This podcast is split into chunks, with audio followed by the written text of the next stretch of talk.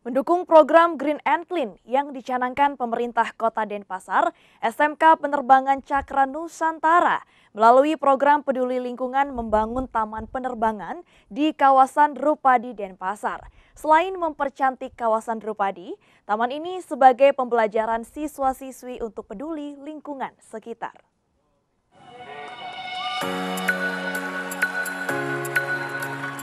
Bentuk kepedulian terhadap lingkungan siswa-siswi SMK Penerbangan Cakra Nusantara bangun taman penerbangan di Desa Sumertekelot, kawasan Jalan Drupadi Denpasar.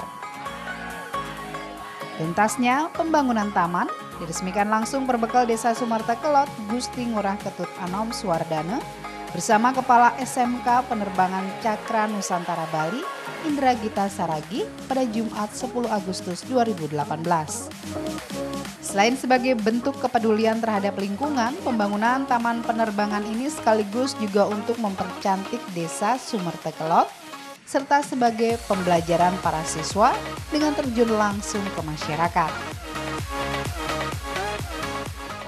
Kami harapkan juga menunjukkan bahwa SMK Penerbangan Cakra Nusantara sangat peduli kepada lingkungan dan sangat peduli kepada masyarakat. Dan taman ini juga merupakan salah satu implementasi dari ISO 14001 2005 yang diraih oleh SMK Penerbangan Cakra Nusantara. Eh, di yang ada di desa Sineblok inilah bentuk implementasi kepada Trihita Krana yaitu hubungan manusia dengan lingkungan. Karena dari pedulian eh, SMK penerbangan mudah-mudahan diikuti oleh sekolah-sekolah khususnya yang ada di desa Sineblok.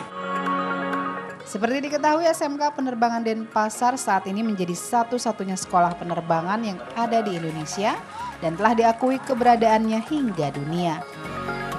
Pembukaan pendaftaran siswa baru tahun ajaran 2019-2020, sekolah yang beralamat di Jalan Drupadi nomor 25 Denpasar ini memberikan beasiswa senilai 19 juta rupiah untuk para calon siswa yang dibuka hingga akhir Oktober 2018. Dari Denpasar, Bona Jaya iNews melaporkan.